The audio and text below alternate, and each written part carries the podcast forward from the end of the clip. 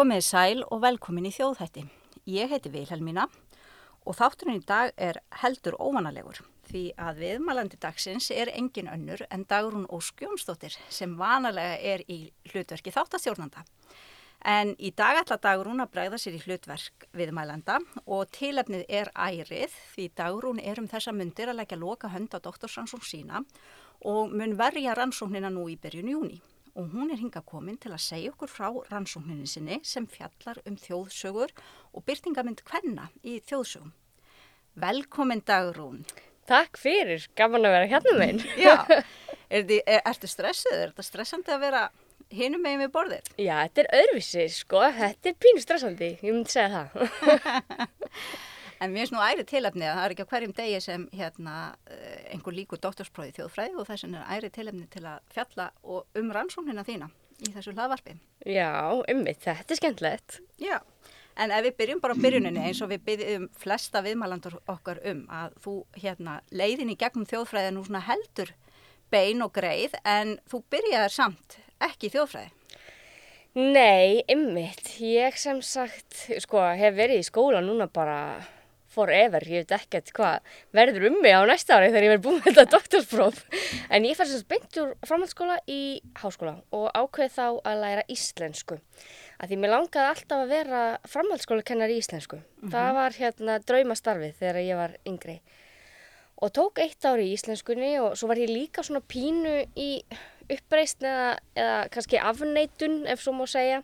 Að því að pappi minn er þjóðfræðingur líka og ég ætlaði náttúrulega ekki að vera þjóðfræðingur eins og hann heldur ætlaði ég að hérna, feta mína eigin leið.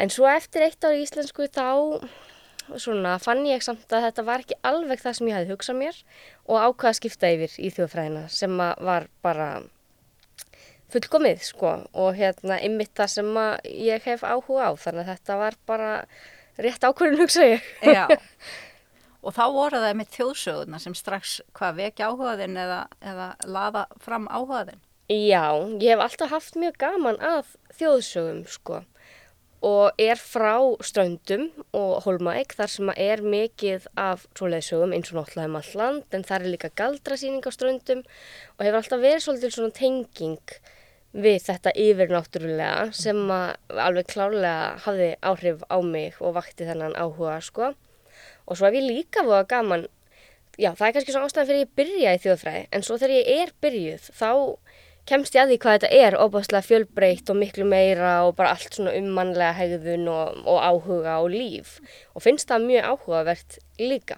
Já, einmitt en í björritgerniðinni þá ert einmitt að rannsaka þjóðsugur og mannátt. Getur það ansagt okkur frá því? Já, ég er sem sagt skrifa um þjóðsugur og hvernig mannátt byrtist í þjóðsögum í BR-ritgerni. Það var mjög skemmtilegt verkefni. Ég var mjög lengi ákveða hvað ég ætlaði að skrifa um. ég var eiginlega búin að ákveða ég ætlaði að skrifa um helviti í þjóðsögum áður en að ég skipti skindilega. en mér langaði alltaf að væri eitthvað sem væri pínu krassandi, pínu svona óhugnulegt og pínu skrítið líka. Mm -hmm. Mér finnst það skemmtilegt. Og ákveða að skrifa um mannátt sem hann byrtist náttúrulega helst í trölla og útilegumannasögum og einni mjög fyrðulegri sjóræningasögum sem við eigum líka e, og svona á mjög ólíkan hátt í útilegumannasögunum og tröllasögunum en samt mjög ábyrgandi hvernig mannátt er notað til þess svona að af mennska og gera svona skrimsla og dýrslægri þessa vætti og verur sem að stundamannátt færa það svona fjær mannlegu samfélagi mm og í rauninni uh, finn ég þar líka mjög áhugaverðan kynjavingil mm -hmm. sem að ég síðan uh, tek upp aftur í doktorsnáminu núna. Mm -hmm. Í millitíðinni skrifa ég mistraransókn um andaglas mm -hmm. sem er svona allt annað en þá langaði mér sko að taka viðtöl mm -hmm. af því að vildengin kom í viðtal um mannátið þannig að ég þurfti að hérna að ákvaða að taka andaglasið til að taka viðtöl tók þá viðtöl við ungt fólk í dag mm -hmm. af því að það er svo áhugavert við andaglas að fólk heldur ofta að þetta tilheyri bara sinni kynnslóð eða sínum tíma og þetta sé mhm. eitthvað sem fólk sé hættast undan og svona en þetta er náttúrulega líka bara eitthvað sem er ekki talað um á milli kynsluða mm -hmm. að því að úlingar segja ekki fóröldurum sínum yfirleitt að þeir segja andaglas að því það er svona pínu ámörkonum og bannað og dularfullt og hættulegt eins og það mm -hmm. byrtist bara í hryllingsmyndum og fjölmila umræðu og öllu Þannig að það varst mér mjög áhugavert.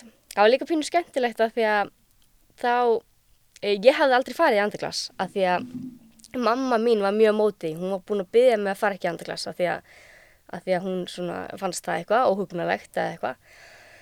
Og, en þegar ég var að skrifa rítgerðina og gera rannsóknina þá saði leipinandin minn, uh, Valdimar, að ég yrði að fara í andaglas til að gera rannsóknina.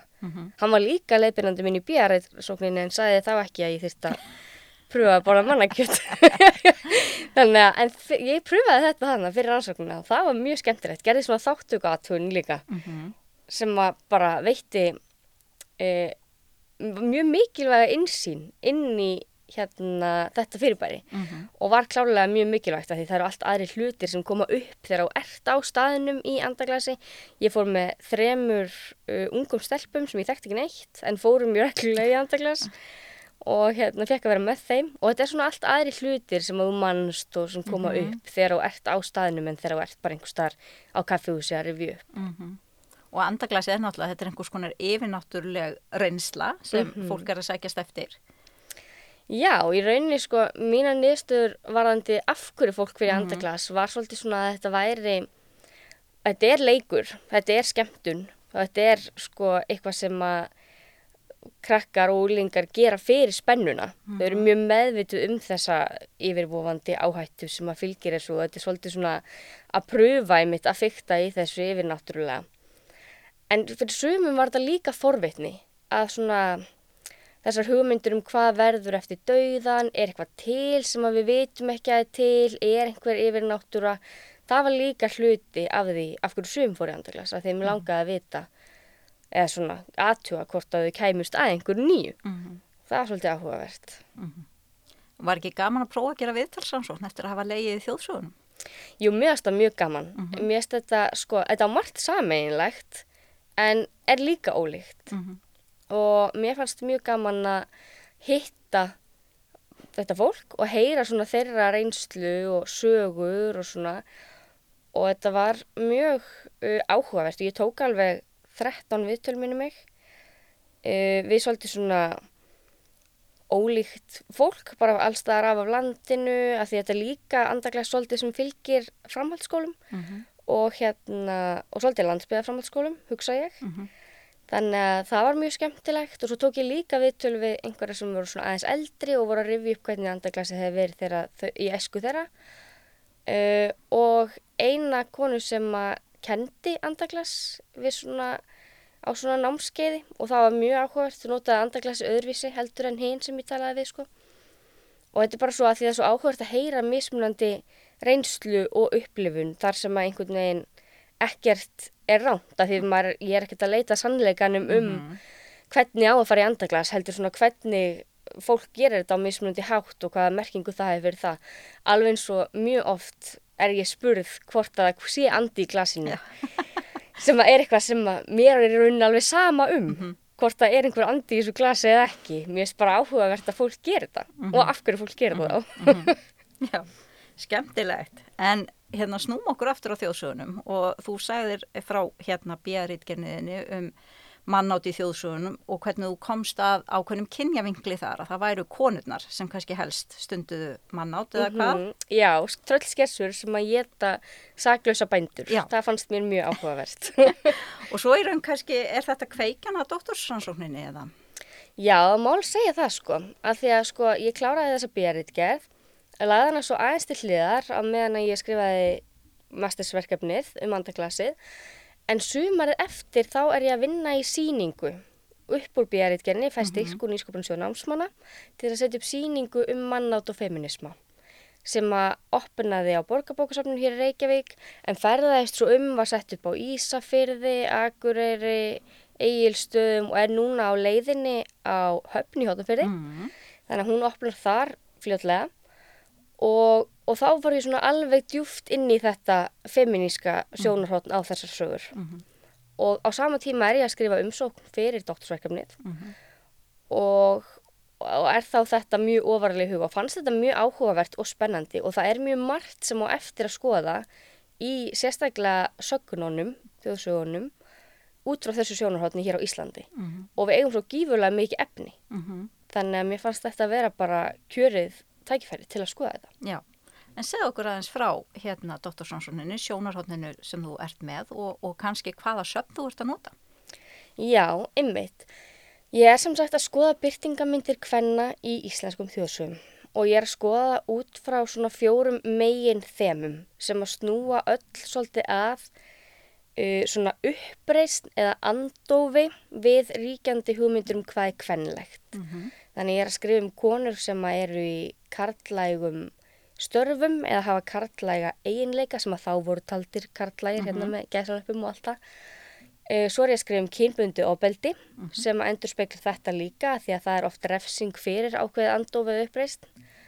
Og svo er ég að skrifa um konur sem að afneita móðurhlutverkinu, annarkvort bera út börn eða kjósa eignast ekki börn og svo tröllskessur og álfkonur, huldukonur, hvernig þau, þær byrtast. Og ég er að vinna með sagnir í þjóðsagnarsöfnum, útgefnum þjóðsagnarsöfnum frá setni hluta 19. aldar og snemma á 20. öld. Þannig það er svona tímaraminn sem ég er að vinna með og ég ákvaði að velja fjögur þjóðsagnarsöfn af því að það væri svona viðáðanleg stærð og fjögur söfn sem að endur spekla bara gefa ákveðna breytt bæði með tilliti til þess hvar sögunum var sapnað, hvernig þeim var sapnað, hver var sapnað og svona. Og ég valdi þrjú stærstu og elstu þjóðsagnarsöfnin sem að eru söfn Jóns Átnasonar, Ólaf Stafiðssonar og Sigfúsar Sigfússonar og svo ákvaði ég að velja líka sapn hennar Torfildar Holm af því að það er mjög merkilegt þjóðsagnarsapn Mhm. bæði fyrir það að það er eina svona safnið á þessum tíma sem er safnað af konu. Og það er líka eina safnið sem er með fleiri nafngreinda uh, sagna menn, kvenkins sagna menn Mhm. uh, sem er mjög áhugavert sko. Og hún líka byggir það eins öðru sig upp, hún er líka að safna sögnum í uh, Kanada. Mhm. hún fer þangað og sapnar sögnum frá öðru fólki sem, í öðrum íslendingum sem eru nýkomnir þangað en sapnið hennar er síðan ekki gefið út fyrir henni í rauninni 60 árum eftir að hún deyr Mhm. og þá er það Finnur Sigmundsson sem að tekur sapnið saman og gefur það út og þetta er mjög merkilegt sapn af því að sögurnar í því líka eru mjög ólíkar Mhm. því sem að við þekkjum úr hinum þjóðsagnasöfnum Þannig að skiptir einmitt máli hver sapnar og á hvaða forsendum og þarna koma kannski öðruvísi sögur, fleiri nafngreinda konur sem eru heimildamenn heldur en kannski í hinum þekktari söfnunum. mhm Þar voru þetta meira, hvað, lærið kallmenn? Heimildamenn? Já, já, þetta er svolítið svona því að til dæmis eins og Jón Átnarsson sem var í, með rosa gott tengslanætt presta um alland, rosa margir prestar sapna fyrir hann. Uh, og það hefur náttúrulega áhrif hver sapnar sögunum, eins og þú segir. Og þetta sést mjög vel til dæmis í ofbeldissögum, Mhm. að því að uh, þar er ég að skoða sagnir af kynbundnu ofbeldi, ég er bæði að skoða kynferðisofbeldi og heimilsofbeldi og hlutfalslega eru miklu fleiri sögur á heimilsofbeldi í safnunar torfildar heldur en í öðrum söfnum. Já. og maður velti fyrir sér af hverju það er og það er náttúrulega gætu verið ýmsar ástæður en það gætu til dæmis verið það að kartkinn söfnurum hafa ekki þótt þetta áhugaverðar sögur Mhm. og þeir hafi litið fram hjá þeim og, og þeir náttúrulega hafa ákveði valdum hvaða sögur komast síðan í söfnin og útgáfuna en svo geti líka verið að þeir hafi bara aldrei heyrt þessar sögur að því að konur hafi ekki viljað segja karlkins prestum sögur á heimilsopildi. Þetta er svona ákveðin valda tengsla því að sagna fólk velur náttúrulega hvað sögur það segir hverju sinni og þetta er í svona þess vegna er safniðin af torveldar svo merkilegt að þá fá við tækifæri til að sjá konu tala við konu Já, og hvað að áhrif það getur haft. En ef við hérna bara tölum aðeins um ofbeldið, hvernig byrtist það í þjóðsögunum? Já, það er mjög áhugavert hvernig ofbeldið byrtist. Það er sko, það er ólíkt hvernig heimilsofbeldi og kynferðisofbeldi byrtist í þjóðsögum. Og það er ekkert sérstaklega mikið af sögum og það er spanna allt sviðið. Þetta er ekki svona eitthvað sem maður finnur bara í draugasögum eða tröllasögum eða svona eins og mannátti. Heldur er þetta bara svona hér og þar. Og sérstaklega þá heimilsofbeldis sögurnar. Og það er svolítið svona áhugavert að lesa þær að því að þetta eru sögur sem að margar endurspegla það að það hafi verið réttur og í raun kannski skildakarla að aga óþekkar eiginkonur og dætur sínar með óbeldi. Mm. E, konum er sérstaklega refsað fyrir að vera þrjóskar.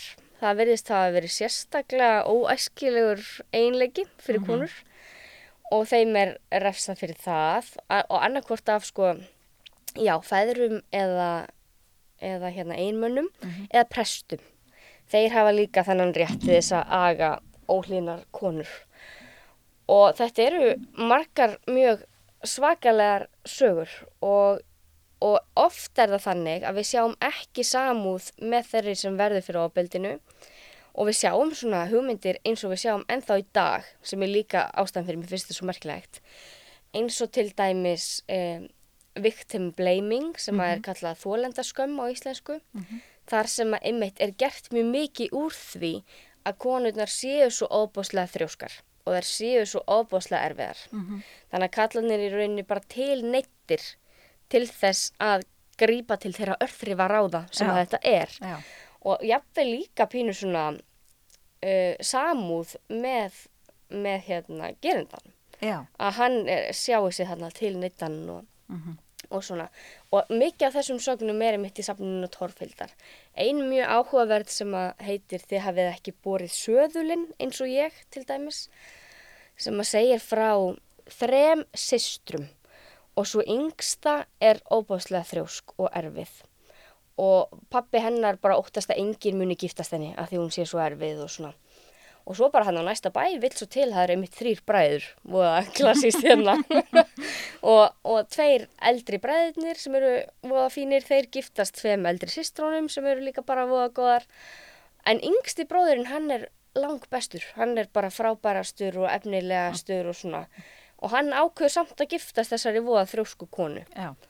Og, og þau giftast og eftir brúköpi þá eru þau á leðinni á hestbakki heim til á þeirra nýja heimili. Mm og hún fekk í gjöf voða fallegan söður og svo svona er svona eins og hún vilji ekki fara heim til þeirra og er eitthvað svona dregst aftur úr og hættir við og svo bara tekur á rás í hináttina, mm. ætlar bara að stinga af og einmaður hennar, hann fer náttúrulega eftir henni og nær henni og kippir henni neyra hestinum og ber hana þar í klessu og hérna og endar á að brjóta þennan fína söðul sem hún hefði fengið í gjöf taka hestin hennar og fara, stinga af og hún ber söðulinn heim á bakinu, öll blá og marinn mm. og kemur heim og þá kastar hann í hana litlunum af búrinu ef ég mann rétt og svo talaðu ekki saman allan veiturinn. Nei.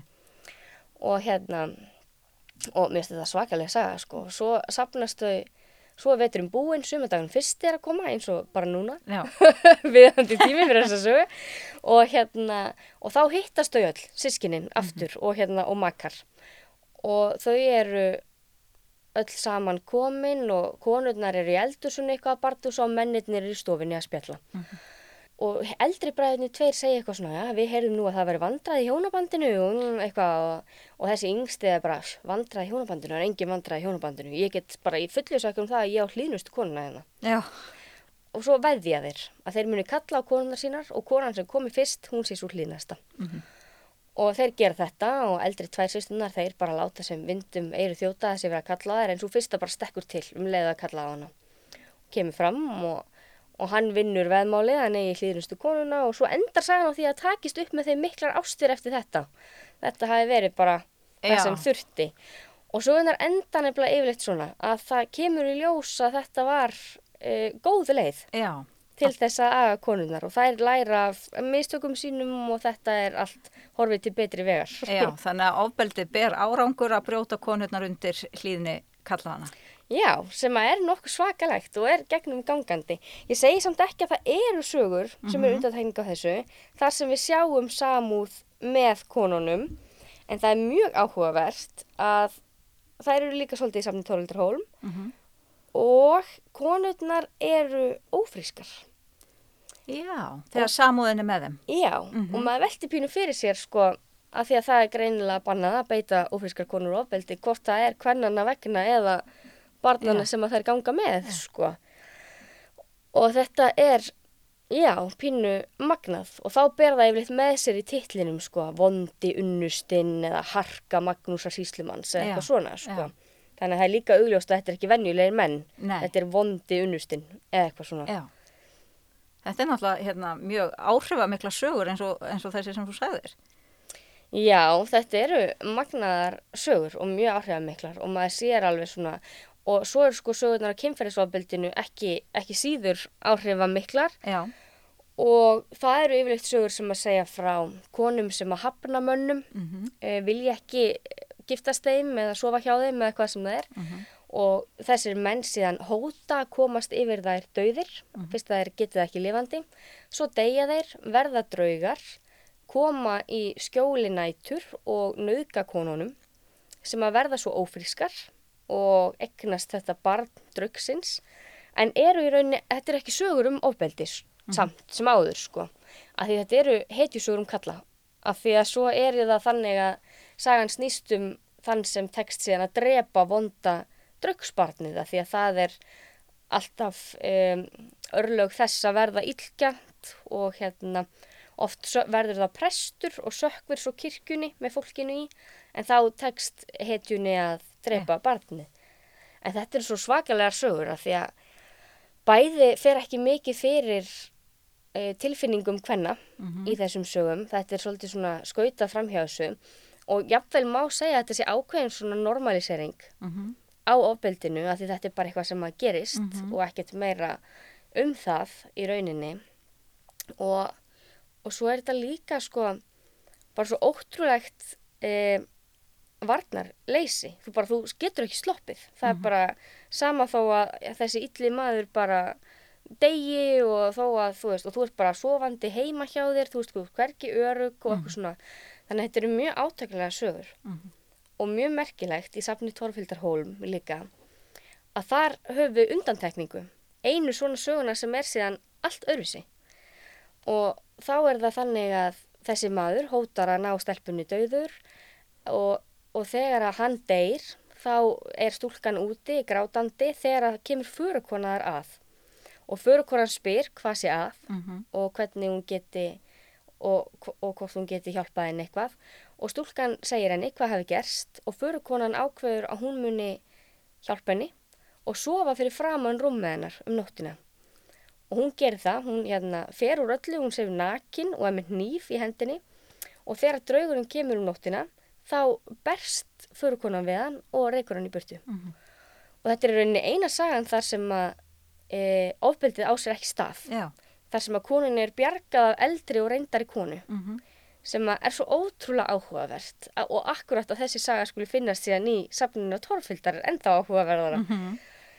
En þetta er svo magnað og svo velti maður fyrir sér sko af hverju konur hefðu sagt svona sögur. Af því að það er líka mest konur samt sem að segja þessar sögur þó að þær finnist í hinum söfnunum síðan. Og þetta er náttúrulega ákveðin leið af því að þarna eru það líka draugar sem eru óbeldsmennir, ekki venjulegir menn eins og við sjáum í heimilsóbeldisögunum, ekki mennskin menn. Og þarna er svona ákveðið tækifæri til að tala um gífurlega alvarlega hluti án þess þó að nefna afbrótumannin, Einmitt, einmitt. nefna gerandan Já. sem eins og við vitum bara allir umræðin í dag Mm að er gífurlega erfitt og átökalegt. Þannig að þetta er svona tækifæri til að ræða þetta og þó að sko eins og heimilsofbeldi sögurnar að því að manni finnst stundum að konur eigi að segja kon, sögur þar sem að konur komi vel út. Mm En það er alls ekki þannig. Mhm. Að því að konur eru náttúrulega á þessum tíma bara aldar upp í sama hugmyndafræðikerfi og kallar. Það eru bara aldar upp í sömu ríkjandi hugmyndir um að heimilsofbeldi sé góði leið til að konur. Og, og þannig er bara samfélags tíðarandin eða þannig. Þannig að þær segja líka sögur þar sem, að, sem eru ekki hlýðhóllar konum eða hagstæðar. En það gefur þeim samt svona tækifæri til að ræða þessi mál og einhvern veginn kannski þessa tilfinningu að þær séu ekki einar með sínar upplifanir. Þannig að þetta er mjög áhugavert og svo ég hérna, var að segja eitt í viðbót, það er líka svo áhugavert í þessum sögum og um kynfyrirsofbildi sérstaklega að þar erum við að sjá sögur um efristjættakonur, helst Sem þólendur. sem þólendur, já. í rauninni að það eru ekki vinnukonur Nei. sem að verða fyrir þessu ofbeldi heldur bændadætur eða preststætur Mhm. mikið og maður velti fyrir sig líka af hverju það er af því að á öllum tímum hefur það verið þannig að fólki viðkvæmari stöðu Mhm. eða jaðsettara er útsettara fyrir ofbeldi Mhm. og, og maður velti fyrir sig hvort að svo sorglega niðurstaða er að það hafi bara verið meira í frásögur færandi að það hafi verið bæn- bændadætur sem upplýði þetta ofbeldi Mhm. ég veit það ekki, en maður velti því fyrir sér Já. En einmitt, þú, hérna, þe- þetta er mjög áhugavert varðandi heimilisofbeldi og kynferðisofbeldi og hvernig þetta byrtist í sjónum.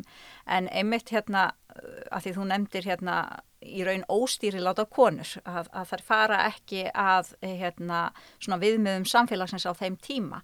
En þú fjallar einmitt líka um, ef við getum kallað þetta óstýri láta konur, sem hafna einmitt hefbundum hlutverkum og fjallar sérstaklega um móðurhlutverkið. Getur þú sagt okkur frá því?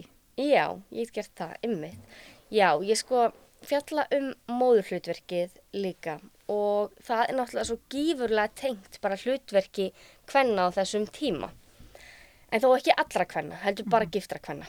Af því að ógiftar konur áttu alls ekki eignast börn. Um, það er áttu, voru náttúrulega bara vinnukonur og áttu að vera barnlausar þess vegna. En gifta konur áttu að eignast börn og það er svo gífurlega merkilegt í þjóðsagna söfnunum sem að við eigum uh, eru nokkrar sögur um giftar konur sem vilja ekki eignast börn og fá oft ákveðið svona fá gefins töfrapils sem að þeir geta klætt sig í Mm og meðan þær eru í pilsinu þá muni þær ekki eignast börn. En svo fara þessar konur í kirkju, eru í pilsinu í nokkur ár, bara eða einhver tíma með góðum árangri, eignast engin börn eins og þær vildu, en eru svo eitt skipti í kirkju og hellist yfir hann mikil þreita og þær eru svona á milli sveps og vöku eins og við þekkjum oft í þjóðsögunum. Þegar að það byrtist fyrir framann þær uh, ungur maður, ungur fallegur maður og hann segir við þær, veið þér móðir, ég hefði átt að verða biskup í skálholti eða eitthvað svona. Já. Og svo byrtist þar á eftir kona, ungfalleg kona líka, sem að segir aftur, veið þér móðir, ég átt að vera biskupsfrú eða eitthvað svona. Og svo byrtast kolla á kolli hérna nokkur börn sem að hún hefði átt að eignast og öll hefði átt að vera í frábæri stöðu. Í samfélaginu. Já, öll svona bara ná mjög langt Já. hérna. Og, og svo vaknar hún upp að þessu Mhm. og áttar sig á uh, hvað hún hefur gert. Áttar sig á þessum mistökum sínum og hún hefði átt að eignast öll þessi frábæri börn og losa sig við pilsi í framhaldinu. Stundum sjálf en stundum hérna pínir eiginmaður hennar til að gera það, eitthvað svona. Og oft fylgir að sögunni að þeir vilja eignast börn og hún er ekki Já. ekki þar eða þá hún neytar öllum byðlum sem er líka voða vond fyrir konur í þjóðsögum sko, það er eiga helst að segja bara já um leið og einhver byðar að gifta sér sko en, en þetta sem sagt finnst mér svo áhugavert að því þetta er einkennandi á sögum um óstýrlátar konur Já. Að annarkvort sjáu þær villu síns vegar og snúi aftur í sitt upprunulega hlutverk eða þá að þeim sé refsað Mhm. grimmilega fyrir að gera það ekki og allar konunar í þessum sögum snúa aftur í hlutverk sitt og, og, og bara og svo fylgir því yfirleitt líka eins og með ofbeldið áðan Mhm. þar sem að svona í lokin þau verða bara ástfangin Já. og þetta var bara vittlisa í henni Já. eða svona það kemur líka fram í þessum móðhlutverksögum það sem að svona henni verður nú ekkert meint af að eignast þessi börn og svo verður þetta bara allt fínt og, og svolítið svona gert lítið úr Mhm. þessum hugmyndum sem að hún hafði fyrir um að eignast ekki börn. Og það er svolítið merkilegt, finnst mér. Og, og líka þarna, þarna sjáum við náttúrulega aftur þessa rosalega skiptingu á milli stjættar. Og með töfra pilsið líka. Af því að þetta er líka á tíma. Af því þessar sögur sko eru flestar í síðan aðeins nýrri þjóðsagnartöfnum. Af því ég nýtti mér þau líka þar sem að það var viðegandi. Og þar sem að töfra pilsið kemur fyrir, þá erum við að tala um svona tíma þar sem að getnaðavarnir er að komast í umræði. Mm. Og við sjáum náttúrulega svona ákveðin tengingu við það að konur er að taka vald yfir eigin barneignum og þetta er ákveðin ótti, hugsa ég, sem að endurspeglast í sögunum við það að konur geti allt í hennu bara ákveðið hvort það er ætla eignast börn eða ekki. Já. Og það er rosa slæmt Mhm. í sögunum fyrir samfélagið að þær ætli bara allt í einu bara hætta að eignast börn. og þetta er líka svo mikið í umræðinu og við sjáum þetta í umræðinu bara sögulega endalaust um þú veist þegar konur ætla að fara að menta sig og hvað ætla þá bara hætta að eignast börn Mhm. og konur ætla að fara að vinna og þú veist og þetta er alltaf þessi hætta, þessi ótti við að konur muni segja skilið við sitt náttúrulega hlutverk með gæsalöpum hérna Já, samfélagslega samþykta hlutverk. Já, og, og því sem var trúað á þeim tíma líka væri bara þeirra eðli að konur væri bara óhamingsamar ef það er næði ekki að uppfylla þetta, þess, þetta hlutverk sitt. Og, og svo er þetta öðruvísi enn í útbyrðasjónum, af því þar erum við náttúrulega með konur sem að eiga alls ekki eignast bönn og eignast þau samt og bera þau síðan út Já. Og þetta eru náttúrulega sögur sem við þekkjum bara eins og móðum mín í kví-kví þar sem að henni hefnist fyrir að bera út batnið, draugurinn kemur tilbaka og hún verður blind eða missi vitið eða eitthvað svona. Og það eru oft svona andlegar refsingar í þessum sögum. Og mér fannst svolítið merkilegar líka að því það eru líka til sögur í rauninni af bændadætrum svo við komum aftur í stjettina að hérna sem að misstíga sig. Og þær eiga miklu meiri möguleika á fyrirgefningu í sögunum.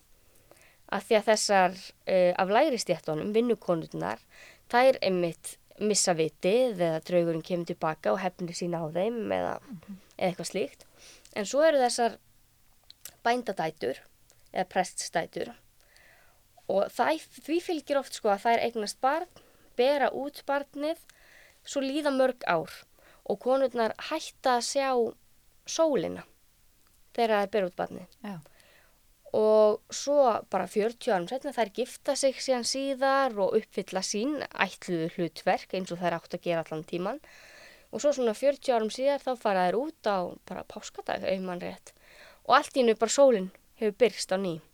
Og þær verða svo gladar að þær fara inn aftur og bara heiminlegandi og mennirnir er alveg svona hvað hérna, hvað, akkur svona voða glöð og hvað hefur eiginlega gerst? Og, og þá segja þær sem sagt bara ég, ég skal segja þér hvað gerðist en þú verður að lofa að verða ekki reyður að fyrirgefa mér það sem ég hef gert.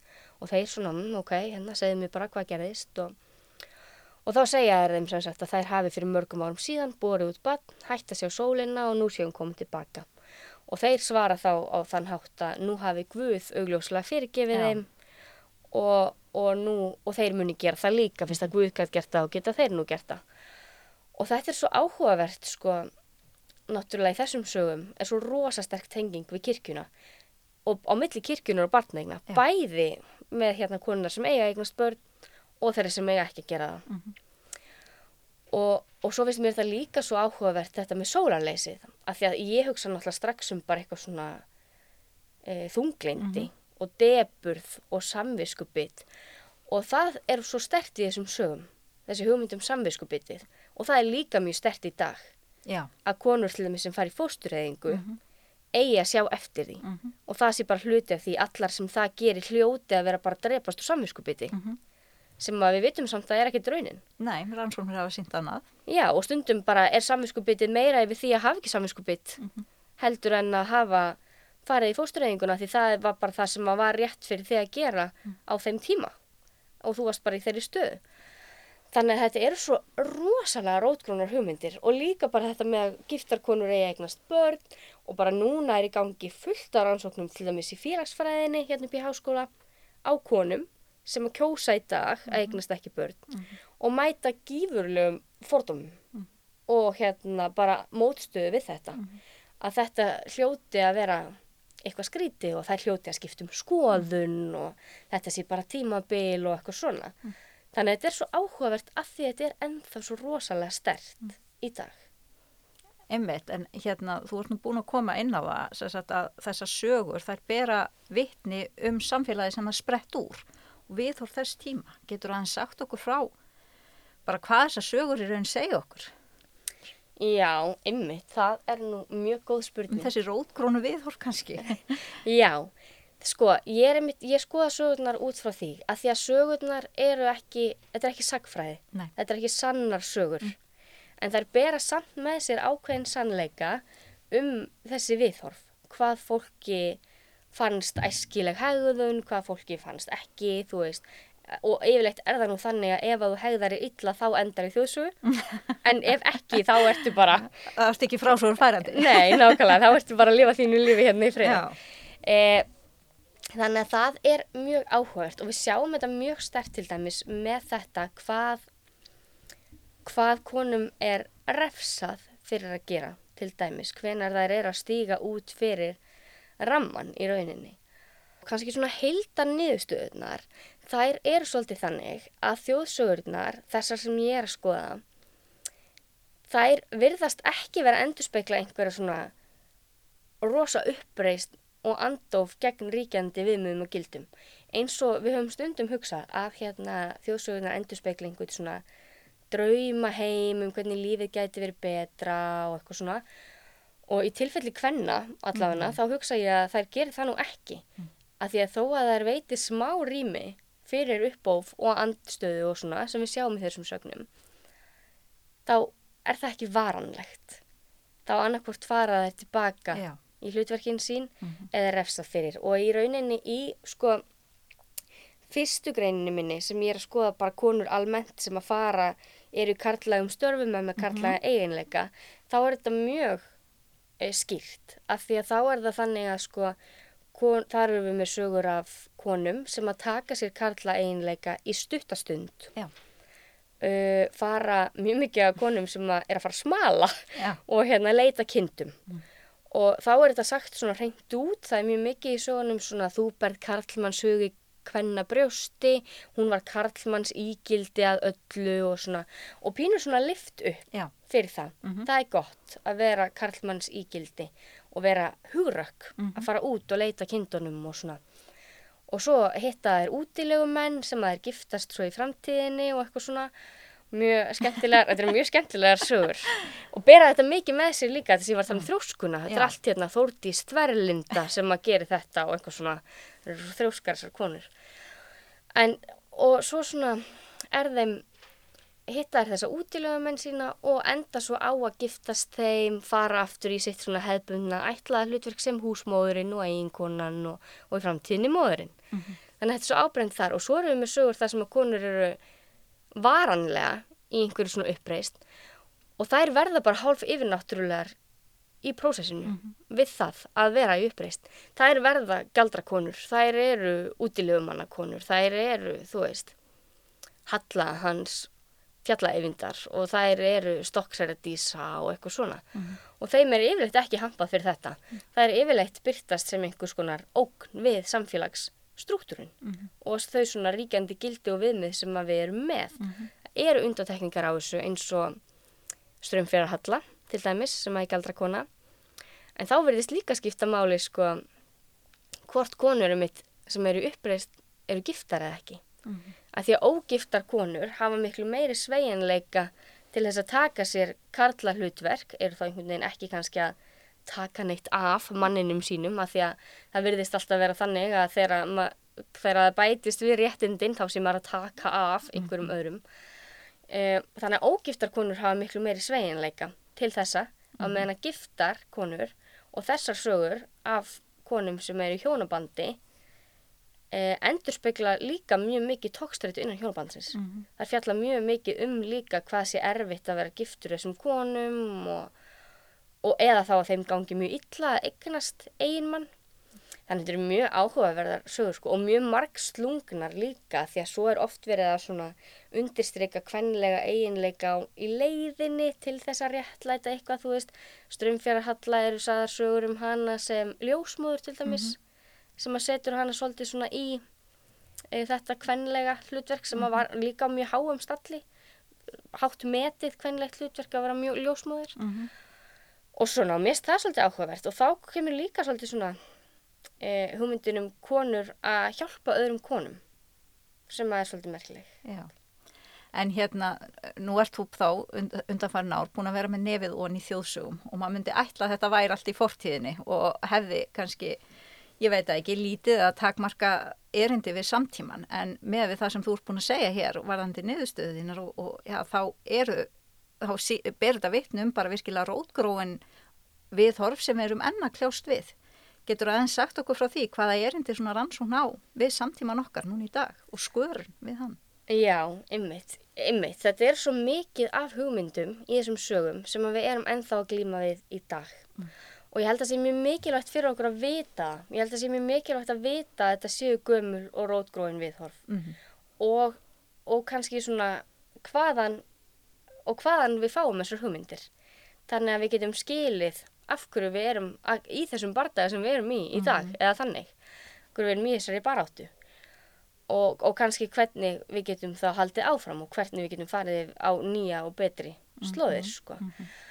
Og svo líka bara undirstrykar þetta að þetta eru, þú veist, viðhorf og þó að þau séu gömul rótgróin, þá er hægt að breyta þeim.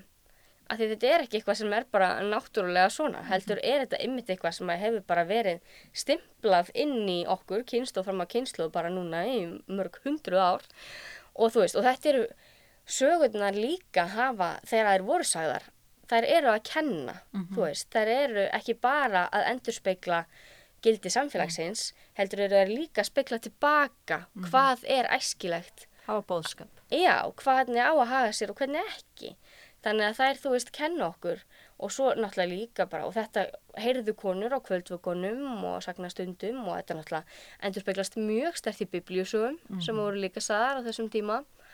Og, og, og svo sjáum við þetta bara ennþá bara í afþreyingarefni nútímans, þú veist, það mætti alveg skoða þetta, þú veist, við erum mikið umræðið til dæmis bara hvernig konur byrtast í Friends og hvernig konur byrtast í, þú veist, og það er að kenna okkur, þú veist, bíómyndir sín okkur alveg líka hvernig við eigum að hefða okkur og við fáum alls konar furðulegar hugmyndir um hvað sé rétt og rangt. Þetta er eitthvað sem að þarf að breyta því að allt sem að við upplifum og allt sem að við sjáum hefur áhrif á okkur síðan. Hvernig við hugsum um til dæmis bara hlutverk og stöðu kynjana og það er eitthvað sem að þarf að breyta og mjög mikilvægt að, að gera það. En er ekki svolítið gaman um þetta að vera þá að gera þessa rannsókn ákvörðat núna þegar svona mikil umræða er um stöðu hvenna, me too og, og að, að pota í alls konar hérna, eitthvað sem ekki hefur verið potað í áður? Jú, ymmit.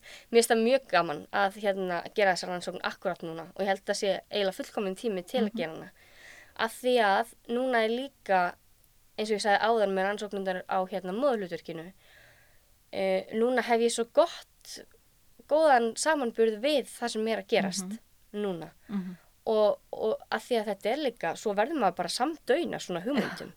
Eins og við sjáum bara, þú veist, með MeToo, þetta er eitthvað sem búið í gangi mörg, mörg ár.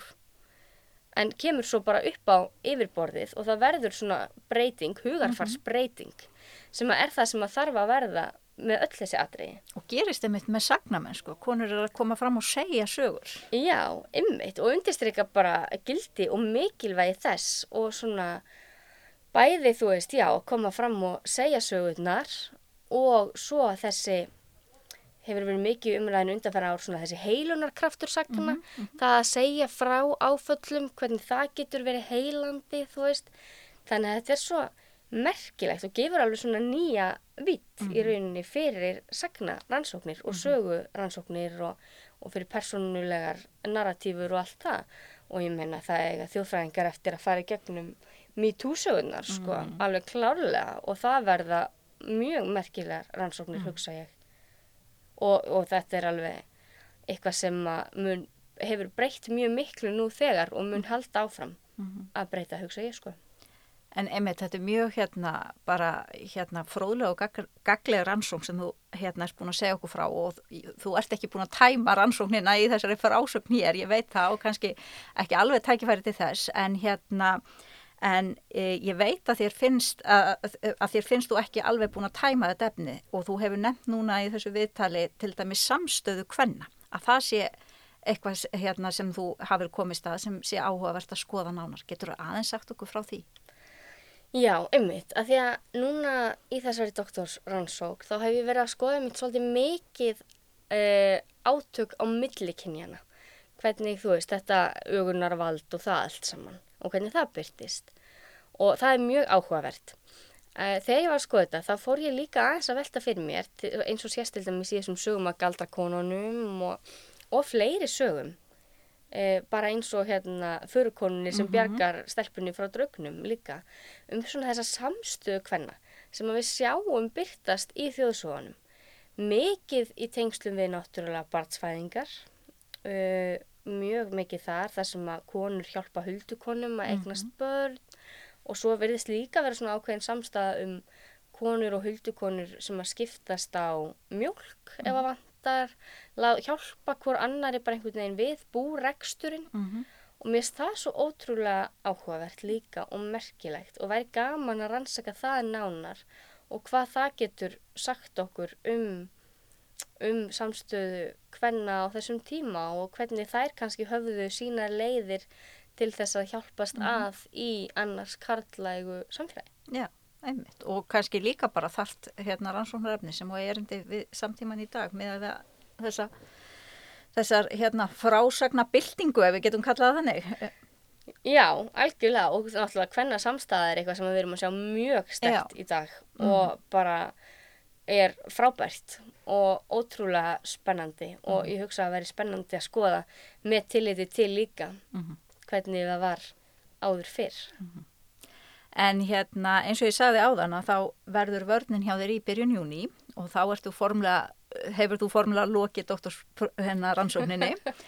Eh, En ég veit að þú situr ekki auðum höndum, þú ert alltaf með mjög mörg járn í eldri, eldinum. Getur þú sagt okkur aðeins kannski frá svona helstu verkefnum sem þú hert að gera samhliða og hvað tekur við? Já, ymmit, sko, í doktorsnáminu þá er ég nú búin að vera að gera alls konar til hliðar uh, og mér finnst það skemmtilegt. Ég verð að segja að mér gengur langt best að brjála að gera. Ég er svolítið þannig. og hérna, þess að var COVID svolítið erfitt þegar það kom þarna inn. Það var alveg drep, verði ég að segja. En hérna, uh, já, þannig að ég bara hef mikið verið að vinna í alls konar... Uh, alls konar viðburðahaldi, mm viðburðastjórnun líka, norður á ströndum, við höfum gefið út tvær bækur á meðan ég er í þessu doktorsnámi, eina um að strandir árið 1918 og eina um álagabletti á ströndum, uh, sett upp síningar, það finnst mér líka voða gaman og verið með leiðsagnir og, og allt mögulegt. Og ég er svo heppin að fá að starfa svona mikið við þjóðfræði og, og að finnast það svona ótrúlega gaman af því það sem mér finnst skemmtilegast í raun og veru er að miðla. Mhm. mér finnst það ótrúlega spennandi og eitthvað sem ég myndi klárlega vilja gera meira af í framtíðinni. Að miðla líka þessum e, þessum þjóðsagna arfi sem við eigum af því að hann er svo ótrúlega merkilegur. Bæði er hann bara skemmtilegur þetta eru skemmtilegar sögur og svona og, og svo er hann svo merkilegur þegar við skoðum hann út frá svona alls konar ólíkum vinklum hvað það getur sagt okkur. Og framundan er bara alls konar skemmtilegt. Framundan er gott sumarfrí, Já. fyrst og fremst. Sem að ég ætla samt að vera mjög upptekin í af því að ég hérna ég er búin að ákveða að fara í voða útskrifta ferð. Mhm. ég er ekki búin að fara til útlanda síðan hérna COVID byrjaði, þá var ég skiptinám í Íslandi í þjófræðinni, kom beint heim þaðan og hef svo verið hér. Og, og svo er ég að halda náttúrubarna hátíð á ströndum í sumar sem er alltaf ótrúlega skemmtilegt uh, alltaf bara frábær mæting og snýst svona um er hluti af starra verkefni sem ég er með sem heitir náttúrubarna skólin Mhm. sem er svona miðla e, þetta er svo snýst um náttúru túlkun, hvernig við þekkjum náttúruna í kringum okkur, fugglaskoðun og blómaskoðun og allt svona, en byggir mikið á sagnamennsku líka Mhm. og hvernig hérna, að því ég trúi því sko að maður læri bæði með því að snerta hluti, með því að vera úti í náttúrunni, ég læri maður best um náttúruna og svo með því að e, heyra sögur. Ég held að það mm sitji eftir. Og, og ég trúi því að því betur sem við þekkjum náttúruna, því betur hugsaum við um hana. Og þetta er svona hluti af svona umhverfis vendara pælingum sem, að, sem eru voða inn í dag líka og mér finnst þetta voða áhugaverðar og endur speglast líka í álagablettaverkefninu og öllu þessu. Og svo, og svo tekur óvissan við og nú er ég búin að vera í skóla svo lengi að ég bara er spennt fyrir óvissunni samt af því að ég trúi því bara að eitthvað mjög spennandi muni koma og bara er til í það sko. Ég er samfærið um það að Dagrún Ósk Jónsdóttir að framtíðin er björt, og- það er bjart og gott sumar í vendum og, og hérna, þér standa allir vegir opnir. Ég þakka ég kellaði fyrir viðtalið og ykkur hlustendum fyrir að hlusta. Verið þið sæl. Takk fyrir.